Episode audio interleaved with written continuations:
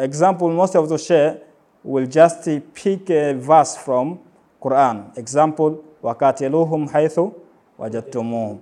And they will use it as justification that you can kill one who is not a, a, a Muslim. You are about to go out from Bemba to Kenya and Somalia to be mujahid. This is to tell people that you have to do research on your own to whatever you see. And now it is easy, right? If you don't understand Arabic, go to internet. There are translation of hadith, translation of the Quran. السلام عليكم ورحمة الله وبركاته. أهلا ومرحبا بكم أيها المستمعون والمشاهدون الكرام في حلقة جديدة من بودكاست شمس.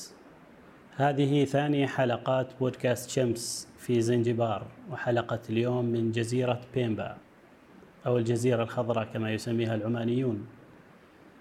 من مبنى كلية سمائل للعلوم والصناعة.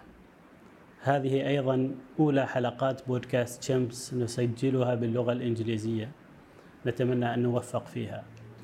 ضيفنا اليوم محمد بن خميس سونغورو معلم للغة الإنجليزية والمهارات الحياتية في كلية سمائل للعلوم والصناعة محمد welcome to podcast Shams this is first interview we are making in English in podcast Shams I hope it will be very good interview and very informative Uh, thank you very much. Assalamu alaikum wa rahmatullahi wa barakatuh. That is to your viewers. Uh, thank you for welcoming me to this interview today. Muhammad, uh, let's start when you were young, about 15, 17, here in Bimba. As I understand from you, you were very energetic, very excited to, to, to help Muslims and Islams here in Pemba, Zanzibar, Kenya, Somalia, or anywhere. You want to support, you want to give something to Muslim, right? Uh, yes, that is true, but let's get a little bit back from that, then we are going to, to go to, to that. I was born in Pemba and I grew up most of my time here in Pemba. I, I think I will say most of my time, but a little about four years when I went out of it for studies at uh, the sister island of Pemba. So I was born in Pemba, as I've said, and I grew up there. And in most of my time, I grew, I can say that almost alone because my parents uh, divorced when I'm, I was very young. I was then taken to my grandmom, uh, who used to take care of me, and my parents were asking nothing about me until uh, recently, I can, I can say. So due to that and, uh, and other reasons, I used the, most of my free time, that is apart from school, listening to Quran, listening to Mawaida, and one of the sheikh who I used it to listen to is called the uh, Sheikh. It is a Kenyan sheikh. I don't want to uh, No need to mention the names. It's now, but he's now killed. He was killed by Kenyan army. So because of his, uh, say mawaida, he gives on television on the mosques, he radicalized the Islamic youth. And you know, as a youth, you, you are very energetic and you want to do anything that you say that is is correct. So I used to listen to him. I got something new. There was some video shows, and Saw that this is the reality. Muslims are being tombed there in Somalia, in Kenya, and elsewhere. There were Muslims in Kenya. This is a, actually was happening very uh, often in, in Kenya. Example, Kenya Army will storm a mosque with their shoes arrest some of worshippers there and something like that. Some were killed. So he used this as a justification that it is time for youth in, in East Africa to join Ikhwan or brothers uh, Al-Shabaab was they are named there in, in Somalia because Muslims needs a revolution now. It is time for Islamic Sharia to be applied. So I said, yes. I was 17 at the time, so in my heart I said, Oh Allah, let me go over 22 before I die in your, your way. But uh, I can say that good news is that I was out of that trap then. I got someone who told me that this is the way. Uh, what are they doing is not a correct way because of this or this. At the first, uh, this to me was a blah blah because I had something that uh, I believe in. So I say that I will keep in this way until I die at age 20, 22. But then I got chance uh, to get a higher education. I changed my mind and I used most of my time uh, to, to realize and tell others that this is a not a good way of life. Example, most of the share will just pick a verse from Quran. Example, وَقَاتِلُوهُمْ حَيْثُ وَجَدْتُمُوهُمْ. And they will use it as justification that you can kill one who is not a, a, a Muslim. But I come to realize that when I take a course in Islamic State that the Quran is not translated that way. We must look the translation from the Quran itself and then we go to the Hadith, Sunnah, to look for the most correct translation of that, of that Quran. And I come up looking for some of them and found, yeah, that is, is true. And I will never translate the Quran by looking just to its literal meaning, rather than I will look it in depth and from the hadith of Prophet Muhammad sallallahu alaihi wasallam. So that is very good introduction from you, Muhammad. Uh, what you want to say, or what I understood from what you said, uh, that sheikh and many sheikhs, Muslim sheikhs around the world, they pick uh, barred from the whole picture or barred from the whole reality, and they are trying to redirect the people on the way they want. Right? Yes. So uh, you are about to go out from Bemba to Kenya and Somalia to be mujahid. At that time, not, not now, not now. Now I'm totally changed and I'm against it. So uh, before you decide to go there, who who advised you, or you yourself you are looking for someone to advise you, or what happened exactly? I was working at time to now what is called the Samail College, but at the time was not Samail the Ulum al Quran.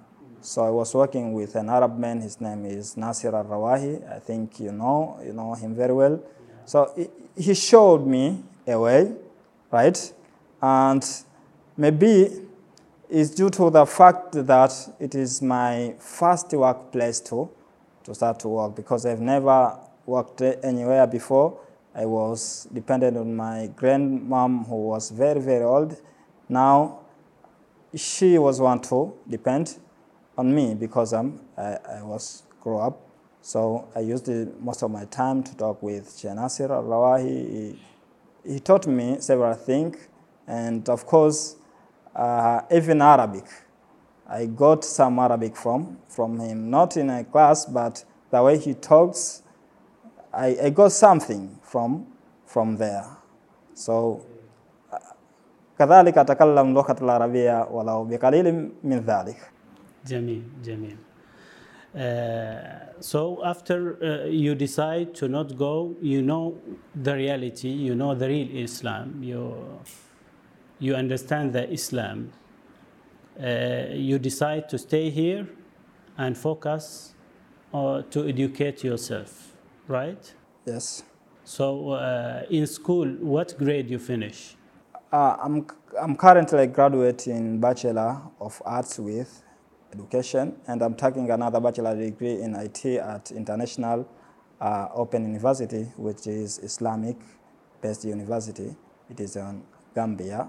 So, what I have learned more is recently. I can say recently I learned more about about Islam uh, or about the correct aqidah of Islam. So I took a course there in Islamic. They called it into the IAS one and two. That we we talk many things about Islam, aqidah, which one is correct, where to get the translation, which hadith is da'if, which hadith is sahih, and something like, like that. So from there, I gained a lot. And of course, at those times, I said that I want to die at the age of 22, but now I say, God, give me at least 100 years that I can teach what I have to, to others, because that is a good thing. Yeah, that is a good, good thing. And from there, I also use the uh, something which is uh, maybe I can read some hadith and I will do some research and I come up with something new. Example I can, I can give you. There was an organization there talking about a peace. I was one day uh, invited there to, to take a participation in it. Okay? When I came out there, I got home and I said that the Prophet Muhammad sallallahu was sent for the peace. How come he went to the jihad war? So I do some research and found that almost all the war or jihad that Prophet Muhammad sallallahu was in was not started by Prophet Muhammad himself. It was started by kafir. Example, uh, the Badri war, it is due to, to them. Uhud is was due to them. So from there I say, okay, the Prophet Muhammad sallam never started a battle. Israel was sent here for the peace of the world. So I did some research also. Very good, very good. Thank you very much. So now you are a teacher, English teacher, and uh, some uh, soft skills, uh, I can say, in, in uh, Samail College. Yes, I am. Okay Uh, how is uh, the people and how is the culture, how is the education where in Pemba before Samail Madrasa, Madrasat Samail لعلوم القرآن how is the people, how is the Muslims, how is Shabab here in, uh, in Pemba? I know they are uh, very good Muslims, they are uh, reading Quran, they are memorizing Quran, but what is the big change or the big influence or the big impact that Samail contribute in Pemba for the community? Okay, uh, let me go into the section of this of academic, which is a college, college rather than at madrasa. I think I'm not more uh, in madrasa's programs. I'm more currently in college programs. Uh, of course, in Chake Chake, uh, for most of time, I can say in general in Pemba, there, there are colleges. But this college were very restrictive. Example, I, the college you have to pay example 50 reals per semester but adjust i have 20 reals they will not accept this i have to wait until i got 50 real for the semester to pay when next semester comes i don't have anything then you stay you stay home we are not going to do exams but for samail college when it was registered, it came with something different. What you have is what you, you pay.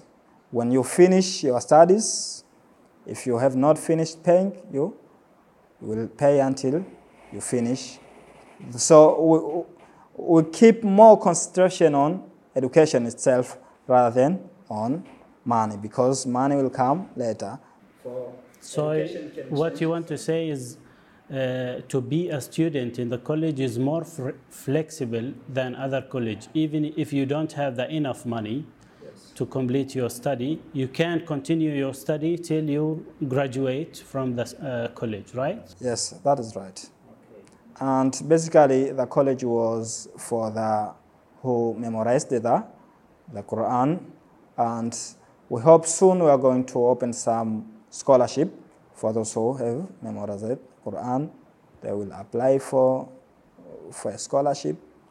They will start here uh, free of charge and they will get, will pay something for their, their lives, such things. So this is also going to help those who memorize Quran. Very good, very good.